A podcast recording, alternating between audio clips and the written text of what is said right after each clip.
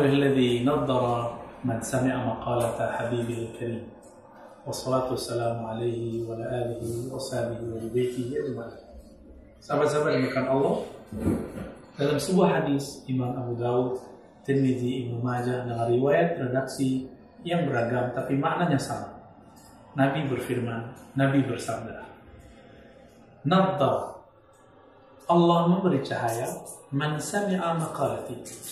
Siapa yang mendengarkan kalam-kalam lalu dia hafalkan, lalu dia menyampaikan balagha kama sami'a. Sebagaimana dia belajar mendengarku.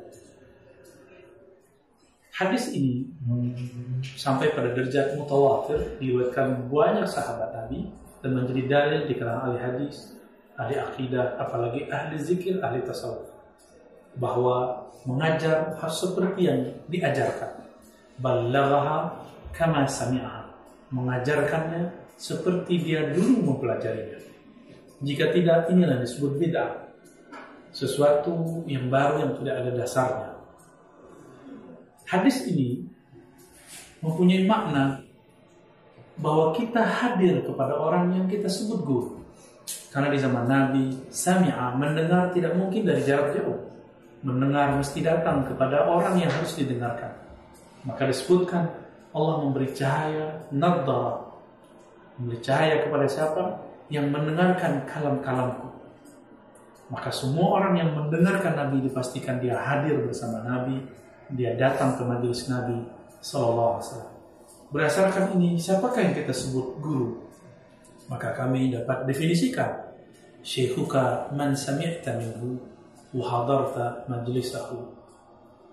Gurumu adalah orang yang engkau hadiri majelisnya, yang engkau langsung mendengar kalam-kalam.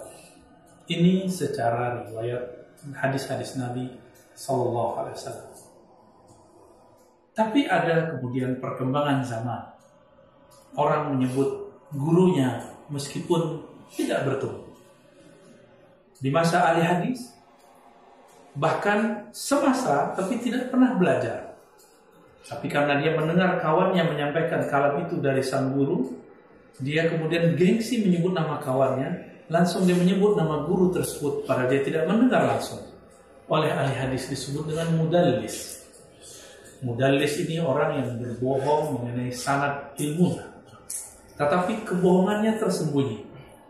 Betul dia semasa, tapi dia tidak pernah mendengar gurunya. Mudallis ini juga ada beberapa macam. Ada mudallis, tadlis, taswiyah. Karena temannya ini tidak sikoh, tidak kredibel, maka dia gengsi menyebut nama temannya, dihapus nama temannya, sehingga langsung kepada orang yang dianggap kredibel. Ada juga tadlis syuyuh, nah, dihapus nama syekhnya, ini bagian dari taswiyah. Lalu dia ingin menyebut nama yang lebih keren. Mungkin gurunya ini bukan tamatan luar negeri. Kalau zaman sekarang ya, tidak tamat Madinah, tidak tamat Hadramaut, tidak tamat uh, tidak LC. Ya, mungkin dia cuma lulusan Cipondo, ya, lulusan Ciputat dan segala macamnya. Maka dihapus nama gurunya, lalu dia berikan uh, lafaz baru saya mendengar dari guru fulan. Ada lagi namanya tadlis yang tadi kita sebut tadlis susiyu memberikan gelar-gelaran yang keren buat gurunya. Supaya orang mengira bahwa dia berguru kepada orang tersebut. Bahwa orang tersebut yang jadi gurunya orang yang keren.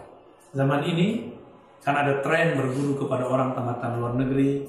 Itu bagus ya. Mereka beruntung bisa ke luar negeri.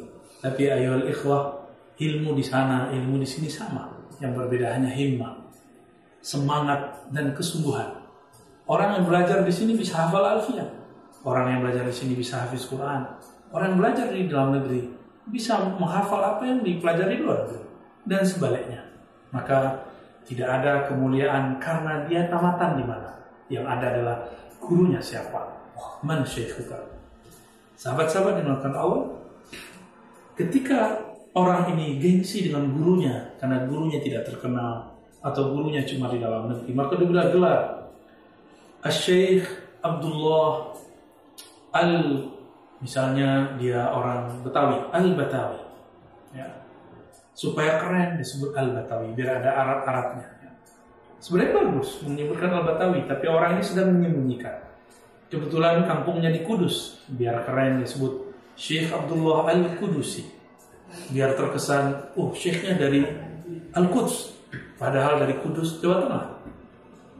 Bagi kita sebenarnya itu tidak penting. Ya, Orang-orang yang mencoba mengelabui orang lain dengan beri gelar-gelar kepada gurunya, gelar-gelaran yang hebat, itu disebut dalam tadlis syuyu. Ya. Tapi bolehkah kita menyebutkan itu? Tentu boleh dengan niat yang baik.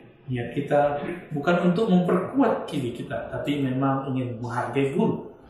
Sahabat-sahabat kan Allah, bagian terakhir. Guru itu ada tiga macam. Ada guru fikr, guru pemikiran. Di kampus, teman ngobrol, itu boleh kita sebut guru fikrah. Yang kedua ada guru fil ijazah. Guru yang kita meminati sanatnya saja, tapi kita tidak mulazamah, tidak duduk bersamanya, hanya ketemu kita minta ijazah keilmuannya, hanya mengambil berkah. Guru yang paling hebat itu dalam diri kita adalah yang ketiga, syekhut tarbiyah. Guru yang kita mendapatkan tarbiyah darinya, bimbingan darinya, baik tarbiyah akliyah tarbiyah ruhiyah ataupun tarbiyah-tarbiyah lain. Lalu di antara itu, siapakah yang paling berhak disebut sebagai syekh untuk keberhasilan murid? Yaitu yang nomor tiga. Yang lain itu hanyalah tambahan dan penguat saja. Sahabat-sahabat bukan Allah, maka mulailah menata, mulailah melihat siapakah yang sebenarnya yang menjadi guru kita. Kadang-kadang guru-guru ini hatinya terlembut dan mereka juga cemburu Jangan salah menyebutkan nama guru. Jangan sampai membuat mereka cemburu. Nanti ilmu-ilmu kita bisa gugur karena mereka tidak ridho. Mari gapai ridho guru, sebut nama mereka, kirim doa untuk mereka, kirim hadiah terbaik bagi mereka. Wassalamualaikum warahmatullahi wabarakatuh.